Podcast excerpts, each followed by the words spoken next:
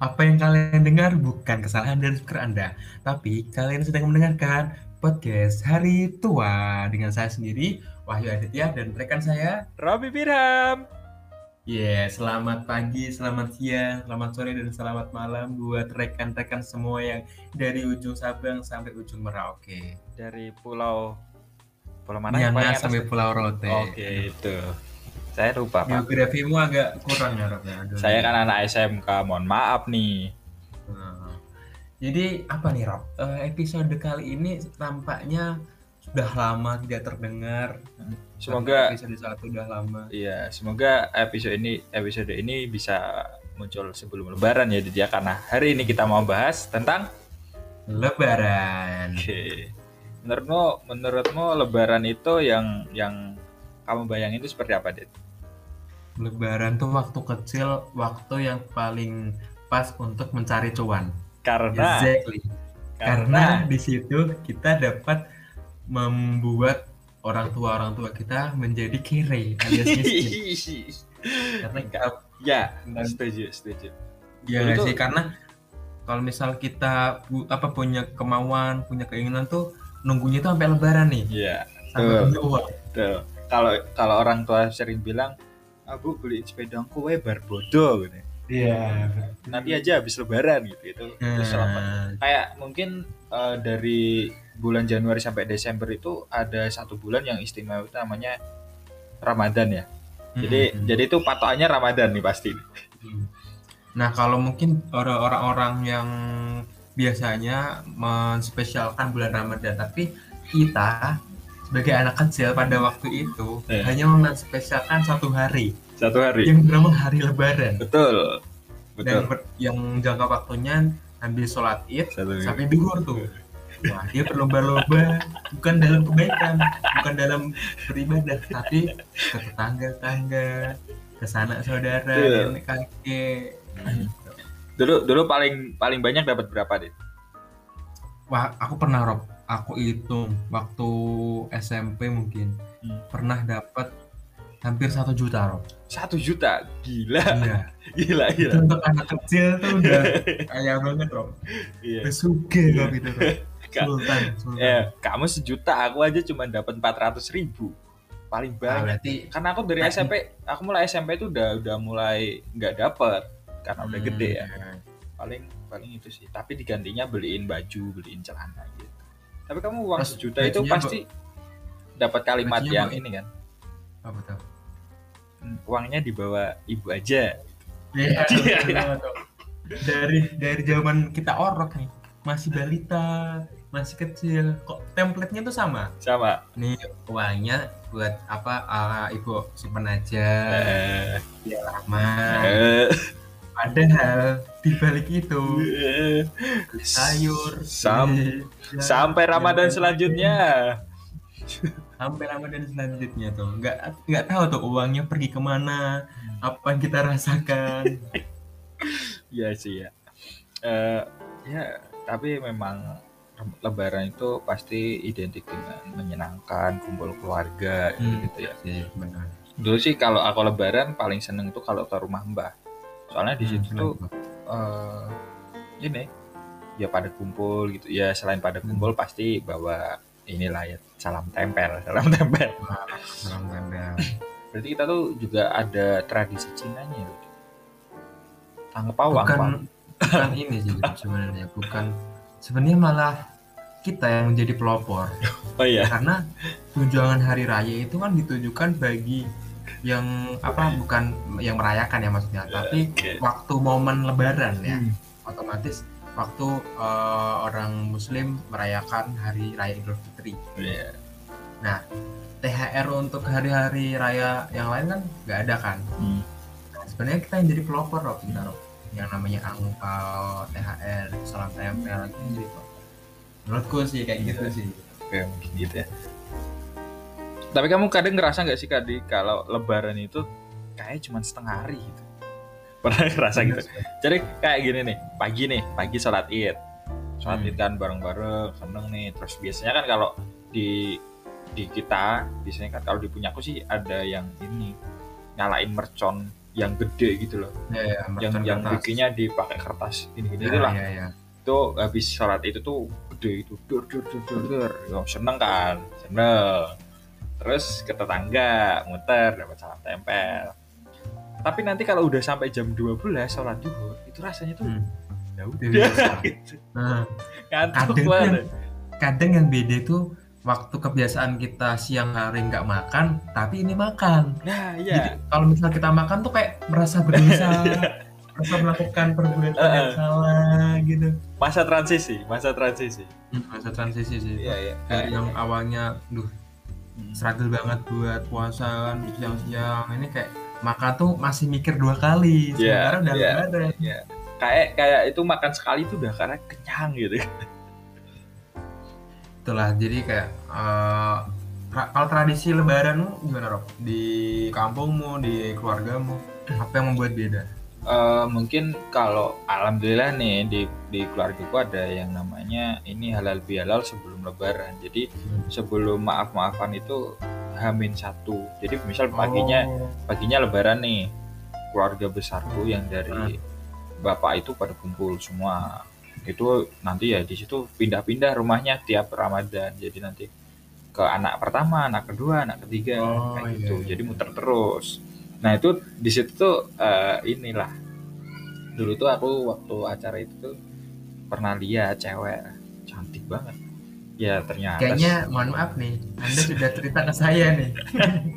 Jadi boleh lah kita sharing ke teman-teman. ternyata saudara sendiri Ya Allah. Eh, apakah ini yang kita pernah datang itu rumahnya?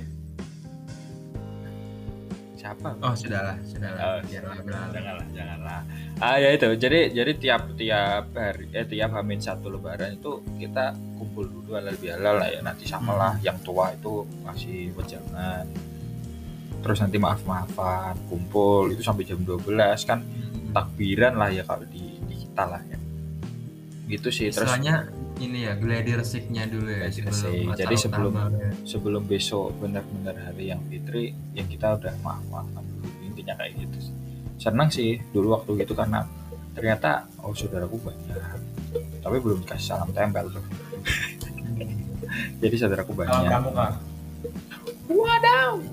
nah itu ya seneng seneng aja sih waktu itu karena malamnya itu pasti dibeliin mercon dulu sama mbahku gitu. Oh gitu ya. sampai pernah beli misal- mercon itu yang mahal banget lah itu Hmm. mercon paling mahal di kampung Oh aku tahu tuh mereknya apa. apa Roman Picisan pasti. oh iya emang ada mereknya tuh mercon tuh ada mereknya tuh Ada Rob. oh iya Kan kalau yang biasa tuh Roman Candle, nah di atasnya tuh Roman Picisan. Nah bentuknya hati nanti nanti. Waktu bakar. Ternyata bercanda anda Oh, kan kita emang mau menghibur rekan-rekan sekali. saya Iya, nggak Rob. tahu soalnya Aduh.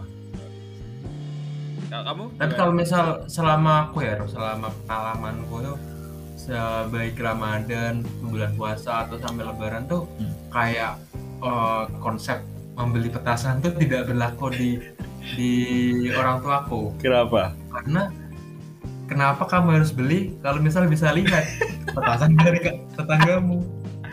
Kenapa kamu kalau misalnya eh, petasan yang eh, yang keras gitu. Hmm. oh juga kalau misalnya tetanggamu beli nggak dia doang dengerin. Satu kampung yang dengerin satu kota Iya. satu kelurahan. Ah, apalagi yang kalau misal yang apa kembang api itu. Atau juga malah orang itu yang boros. Nanti malah tangannya kena pasan jadi parah gitu kan. Jadi Iya. ya mending udah. Kayak mending apa liatin aja. Penikmat aja penikmat. Kamu Iya orang sih, ya. penikmat. ah sepertinya nilai-nilai ekonomi prinsip-prinsip ekonomi sudah berlaku di keluarga anda dari dini ya. Bukan ekonomi sih lebih tepatnya irit sebuah irit ah enggak dit. Mungkin eh, mercon itu bukan masalah meledaknya dit hmm, tapi itu sebuah pride dit sebuah kebanggaan oh iya iya.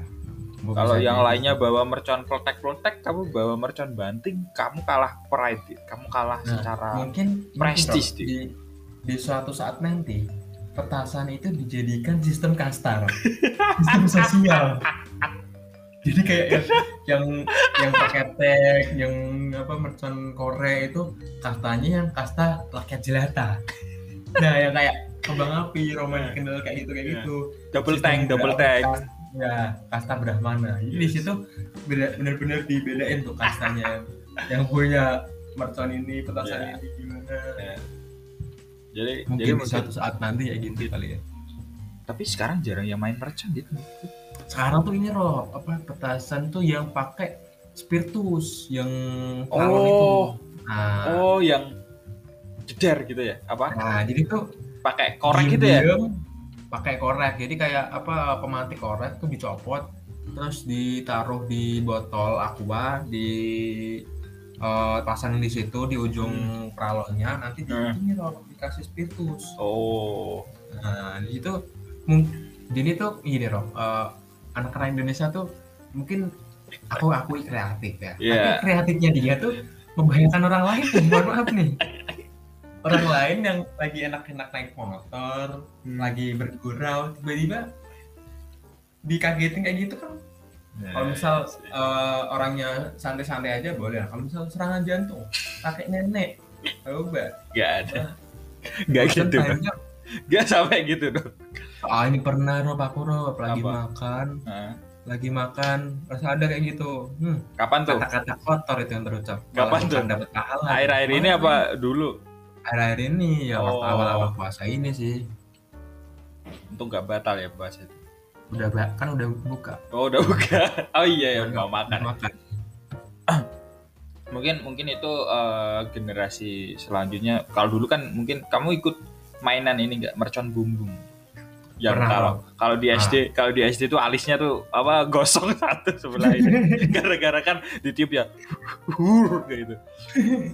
Pernah Rob. Aku ngikutin zaman itu juga sih. Nah, struggle-nya kita nyari apa eh, Eh. bambu, bambu. sampai kena apa namanya tuh yang gatel-gatel itu Rob. Ah, lut apa kok apa sih? Lulut. Nah, eh kok lulut? Ya itulah. Itulah pokoknya lah. Hmm. Ya tapi gitu. ka- kadang kalau misal nggak semua pak pohon, pohon bambu juga bisa dijadiin petasan jadi kayak Hmm. bener-bener apa ya eh, seninya di situ Ya. Dulu tuh kalau di punyaku ada mitos ini, Dit. Kalau kalau ambil bambu terus ada posisi potongan itu harus dipecah. Bambu itu harus dipecah, Dit. kenapa tuh Karena katanya kalau enggak itu buat rumah kuntilanak, Dit.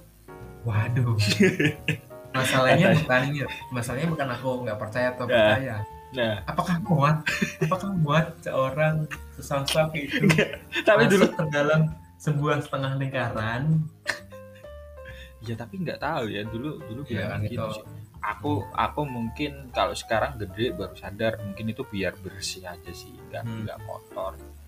Kalau ini mendingan dibeliin KPR lah. Waduh, kenapa tuh kuntilanaknya dibeliin KPR. biar dapat ini ya Dia dapat rumah. enggak Ya ya Allah. Oke. Kak, kalau kalau di kamu eh, Lebaran tuh biasanya apa? Hamin hamin Lebaran lah, hamin satu Lebaran. kalau misal yang paling kerasa banget sih mungkin ya bantuin ibu sih kayak Hmm. masak masak gitu itu udah pasti lah itu jadi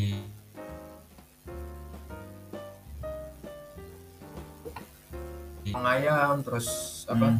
nyogok kayak gini kan kalau misal bikin lontong tuh kan butuh waktu yang lama dan kalau misal pakai kompor gas itu kan sangat apa namanya Iya. sangat boros kan jadi Iya. ibuku memutuskan membuat kebijakan untuk eh, pakai kayu. Nah, Iya. bagian menyogok kayak gini tuh aku. Gitu ya. Itu ya itulah mereka Terus eh, apa lagi ya? Eh, takbiran. Jadi tuh kampungku eh, mungkin lebih aktif sih kalau misal kayak sebelum pandemi ya maksudnya. Hmm. Sebelum pandemi itu aktif banget kalau misal lebaran eh, takbiran gitu pasti Nah, ikut selalu ikut aku dan di situ kayak lebih apa ya lebih serawung lah lebih guyup sama tangga-tangga umuran juga kan walaupun orang-orang itu nggak tahu nih puasa atau enggak tapi takbiran Iya. Tinggal urusan mereka masing-masing. Seru sih Rob kalau kayak gitu Rob. Aku juga ngerasa gitu sih di dunia aku juga. Eh, alhamdulillah masih ada tuh sebelum covid ya. Hmm, hmm. sebelum covid masih sering. Eh, kamu pertama kali sungkem belajar sungkem kelas berapa? Sungkem kalau misal sungkem bukan di satu masa kayak lebaran doang pernah waktu eh, waktu istighosah SMP nah kan istighosah SMP itu dikasih motivasi motivasi dulu kan. Pasti yang dengerin itu juga ngerasain deh. Eh, disuruh merem terus bayangkan iya. di rumah kalian ada bendera kuning. Iya, itu, itu udah jadi template lah ya. udah jadi template Udah jadi template. format eh, para motivator. Nah di- itu tuh bener-bener kayak sedih banget Rob. kayak apa yang ngerasa banyak salah itu. Hmm. makanya tuh sampai aku nangis nangis tuh waktu SMP nah setelah itu nih nggak tahu kenapa kok budaya sungkem sudah tidak aku lakukan lagi. Ya maksudnya kayak eh, apa ya kayak suatu hal yang mungkin eh, menurutku eh, bagiku sendiri kayak apa ya canggung gitu loh kayak Hmm. canggung kayak karena nggak dibudayakan sama eh, orang tua Hmm. ya udah kalau misal lebaran minta maaf Bu, Nah. maafin ya gitu maafin ya kalau misal kayak sungkem bener-bener kayak muter gitu enggak cuman kalau misal ke mbah-mbah ke saudara-saudara yang lebih sepuh gitu Hmm. tetap sungkem Hmm. nggak mungkin dong bro sorry ya bro nggak salah bro nggak mungkin dong harus Kasih pantun, sungkemnya kasih pantun. aku nggak tahu orang paling tahu Oh, enggak tahu ya, enggak tahu ya. Nggak ada sih. Orang yang sungkem pakai pantun enggak ada sih. Aku tuh uh, kalau aku belajar sungkem itu dari SMP. SMP sih. Tapi dulu masih pakai bahasa Indonesia ya. Jadi tuh Iya. dulu tuh cuman gini nih. Ngaturaken suder ngaturaken sugeryadi menawi kula wonten kalapatan nyuwun pangapunten ingkang patah. Hmm. Udah gitu doang dulu. Hmm. Jadi jadi ini yang dengerin tahu nggak ya? Jadi jadi ya gitulah. Terus akhirnya di- diajarin tuh kalau aku. Tapi awal-awal kayaknya nggak nangis dia. ah, Sungkem tuh nggak nangis. itu kok kok ini ke orang tua Ke orang tua kembah juga Oh. sih, kembah Ah. juga. Ah, jadi eh, dulu itu menurutku sungkem akhirnya itu nggak kerasa sakral, kerasa nggak formalitas itu ketika kamu nyebutin eh, salahmu kira-kira itu di mana nih? oh iya. Sedih sih. Aku aku pertama kali sungkem nangis itu karena aku ngomong eh apa ya? Ini tuh kalimat sungkemku dulu itu gini. ngaturaken sugeryadi intinya bahasa Indonesia aja. Apa menguc apa mbak apa sih mengucapkan selamat ah hari ya Raya Idul Fitri. ucapkan sampai hari Idul Fitri. Kalau ada itu kan itu kalimat uh, sama lah semua. Kalau ada kesalahan bisa dimaafkan kan itu itu. Tapi terus terus dikasih tebal belakangnya tuh maafin bu kalau kalau ternyata apa kakak jarang pulang kakak pulangnya malam kakak pulang gak ngabarin gitu gitu gitu. Loh nah itu tuh wah sedih dit. Ka- ka- kamu gimana? Nah kalau misal aku ya Mbak. Ya kalau kalau eh, menurut konsep kayak gitu tuh kayaknya sampai hari besok tuh masih aku kayak sebutin loh. Apa? Karena saking banyaknya salah tuh loh Bro, sama Apin Adit kalau misal gini gini gini si A A B C D F G. Sampai besok Rob kayaknya Rob. jadi ya udah aku rangkum aku patin aku sederhanain jadi ya udah. Bu maaf ya kalau ada salah. Udah. Enggak. Clear gitu. Tapi ya emang sih kurang Iya. kerasa. Di Iya. hati itu kurang kerasa kurang kurang ger lah tapi ya eh, namanya anak muda ya Rob ya. Eh, masih masih dalam masa apa namanya jati diri mencari diri. Kayak Iya. nanti habis kita minta maaf besoknya diulangin lagi. Maaf. Enggak mungkin ibu kita tuh habis habis kayak sungkem gitu kan iya paling ibu bala di bedah gitu. Paling kamu ulangin lagi. Iya makanya kayak jadi siklus gitu malahan Iya. iya mulai apa eh, eh, sekarang tuh jadi kayak lebih apa ya benar-benar ngerasain apa itu sungkem apa itu minta maaf Ya. dan emang enggak sampai di titik itu enggak sampai di hari lebaran aja jadi kayak lebih jadi apa ya lebih jadi eh, pengingat sih kalau misal kita nanti suatu saat kayak eh, lagi ada salah sama orang tua atau Hmm. lagi ada problem sama keluarga jadi eh, pengingat kalau misal Iya. Kita masih banyak salah jangan sampai kita menjadi satu sewa- apa, seorang yang mempunyai ego yang tinggi keren ya. Nah,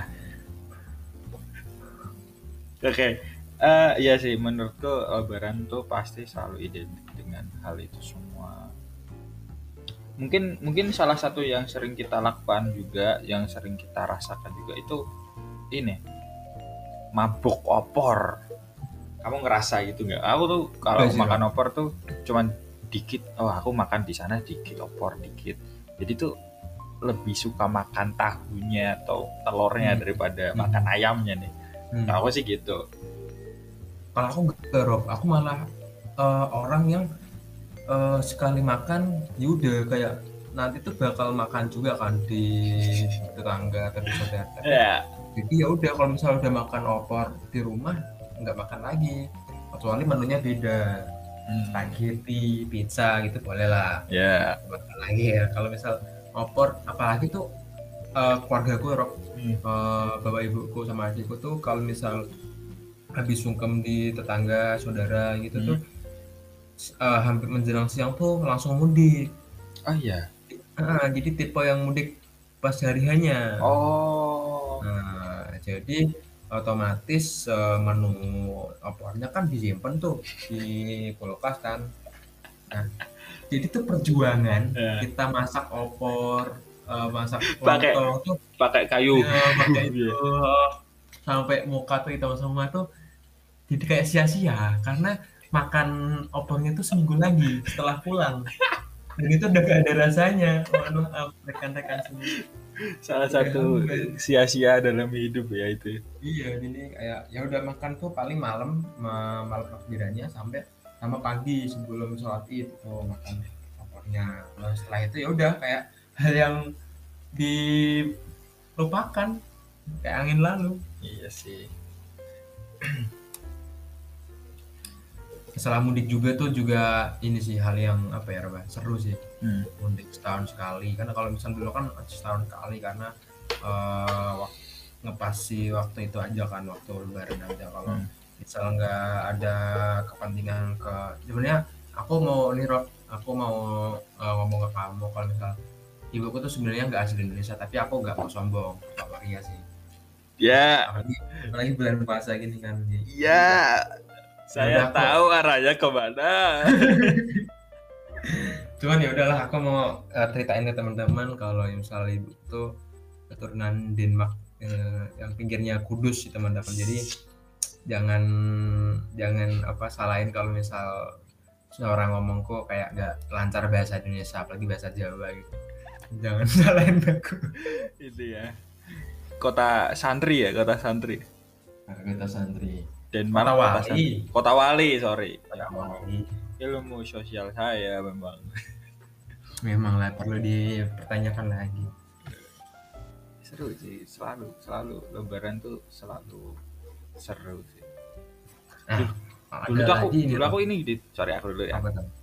Dulu itu aku tuh uh, masih kecil di SMP kelas 1 kayak. hmm. Dulu tuh uh, biasa kan besoknya kan lebaran nih. Hmm. Ini SMP kelas 1 di rumah. Masih makan, wah akhirnya gitu. Hmm. Akhirnya selesai sudah. perjuangan menahan Selesai lapar sudah menahan lapar, makan siang-siang gitu. Nah, ibuku tuh bilang, "Bi, eh, siapa yang sholat berjamaah maghrib dan isya ketika sebelum lebaran itu nanti pasti masuk surga aku langsung mas. Aku langsung seneng gitu. Aku ambil sarung langsung berangkat ke masjid. Setelah ke masjid kirain rame ya? Nah. Ternyata cuma lima orang. Aku lima orang itu itu sama imam sama ini ya. Eh, tapi dulu waktu kecil mungkin eh, mungkin udah pada mudik. Aja aku ini memang pada gak mau pada masuk surga ya itu hal yang menarik lagi kalau misal kita punya pasangan ya Rob, yang udah Hmm. udah nggak jalan lagi atau istilahnya mantan lah. Hmm. Nah masa-masa Lebaran itu jadi dijadi mungkin bagi beberapa orang dijadikan modus Rob. Eh, modus eh, sebuah Inilah ya. ya, ah eh, itulah ya aku juga kalau misal kita nih udah lama nggak udah ya. Lama nggak ber apa eh, komunikasi Betul. rasanya tuh ada yang beda ya ada yang dirindukan. Eh kok mau lebaran ternyata? Eh sekalian lah minal izin lah sama eh, mantanku ini siapa tahu ya kan? Bisa balik lagi bisa nyambung lagi. Iya nggak sih Rob? itu kayak di kamu sih. Enggak sih Rob. Aku aku melihat sebuah fenomena di masyarakat sih. Iya. biasanya kan gitu. Ya tapi aku juga pernah pakai praktek itu pernah pakai Berhasil? teknik itu. Cukup berhasil. dalam satu dua hari lah. Tapi setelah itu Ma- masalah yang kita dulu lakukan diingat-ingat terus tuh. Sampai sebulan malahan tuh. Mungkin yang paling membanggakan eh, ya kita mungkin belum sampai di titik itu. Yang ditanyain ini mama nanyain kamu kok nggak ke sini pas lebaran? Aduh udah udah luntur tuh pertahanan pertahanan pertahanan yang telah kita bangun udah luntur. Ah memang manusia manusia. Gitu sih. Banyak sih Rob kalau misal ngomongin tentang lebaran sih. Suka suka dan sukanya sih. Ya, dukanya kan uh, mungkin ya karena sedih karena udah lewatkan bulan puasanya. Hmm, kayak nggak nyangka ya. vibes-nya tuh beda gitu vibes-nya beda. Iya sih betul. Jauh lah. Sedih sih waktu kena covid ini juga. Ya sebenarnya kalau dibilang ya sama aja ya. Di kampung kalau di kota mah terasa banget bedanya. Iya bener lah. Di desa-desa itu masih kental banget lah kalau masalah silaturahmi dan lain-lainnya. Jadi lebaran itu ya ajang ya kita ya ini bener silaturahmi terus kayak rasanya tuh kayak, kayak mungkin ada yang nyepelein ya. Kayak ah kok sungkem-sungkem nih paling kue susuk ketemu jek ono sesuk. Ah, Nah, ah, ah. Iya ya masih ada besok gitu nah tapi ya di sisi lain ya momennya kayak gitu ntar kalau minta maafnya nggak di momen maaf maafan pasti canggung kan iya benar pasti benar. canggung kan apalagi yang yang jarang jarang ngobrol sama orang tua kan jadi kayak Mm-mm. kayak malah dikiranya kesurupan ya anak Iya. kok tiba-tiba minta Apa maaf nih? sama kenapa nih apa setelah tersadar setelah masuk ke jurang gelap apa ya sih jadi jadi menurutku memanfaatkan maaf maafan ketika momen lebaran itu ya memang momen-momennya maaf maafan ya wajar lah kalau minta maaf. Jadi jangan weh ya weh weh weh. Ya jadi teman-teman semua pendengar podcast hari tua kalau misal nih eh, dari teman-teman semua yang masih eh, dikasih keluarga sehat masih dikasih keluarga lengkap dimanfaatin nih mumpung masih ketemu mumpung masih bisa bertatap muka mumpung masih minta maaf nih kan kita nggak ada yang tahu kan Hmm. kita besok gimana jadi eh, manfaatkan waktu dengan baik jangan sungkan kalau misal eh, teman-teman semua ada yang Hmm. mau minta maaf atau ada yang mau ngucapin aku sayang kamu ke ibu Hmm. eh, rasa cintanya ke orang tua ke ayah ataupun ke adik itu jangan sungkan karena nggak berat ngomong aku sayang kamu tuh. Betul. sama orang tua yang berat tuh canggungnya itu rasa Canggung. nggak enak gitu. gengsi lah ya gengsi. Gengsi. Ngapain kita gengsi? Orang sama orang tua sendiri ya. Gitu sih Rob. Kalau dari aku. Kalau dari kamu gimana? Ya itu sih. Ya memang lebaran momennya banyak. Dari momen maaf maafan momen berkasih sayang ngasih ngasih apa yang kita punya.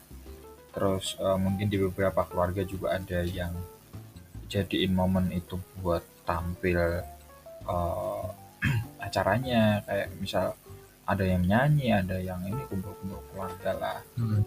Ada yang sebagai ajang wisata bareng yaitu dimanfaatin lah momen-momen seperti itu. Karena ya mungkin bagi bagi beberapa orang eh, pergi bersama keluarga ngobrol silaturahmi itu hal yang biasa ya tapi untuk dari beberapa di, kita itu kan itu jadi hal yang nunggu momen dulu baru Iya. bisa kayak gitu sih. jadi kalau ini sih ambil momennya di inilah disesuaikan wah gila kita kita bisa ngomong seperti ini juga ya Dit. Ya, jadi itu teman-teman semua eh, terkait pembahasan mengenai lebaran, tradisi dari tiap keluarga kita masing-masing, terus pengalaman-pengalaman menarik waktu lebaran ataupun sesudah lebaran. Mungkin dari teman-teman juga punya ada nih cerita menarik atau cerita yang seru yang eh, bisa diceritakan ke teman-teman kalian masing-masing. Terus kemudian bisa jadi ajang silaturahmi juga kalau misal punya mantan yang udah lama nggak ketemu, udah lama nggak silaturahmi bisa banget tuh. Waktu lebaran tuh waktu yang pas buat kalian bisa balikan lagi atau LDK lagi. Gitu. kalau masih Nah. cinta kalau dia Nah, itu masih dia. jomblo. Nah, teman-teman, Oke. episode kedua dari podcast dari tua ya Semoga, Semoga- bisa menghibur, bisa menikmati dan enjoy sama podcast hari tua. ya semoga teman-teman tua ini eh, cerita-cerita kita itu bisa menemani kita sampai di hari tua nanti. Terima kasih. Oke, saya Wahyu Aditya pamit. saya Robi Birham pamit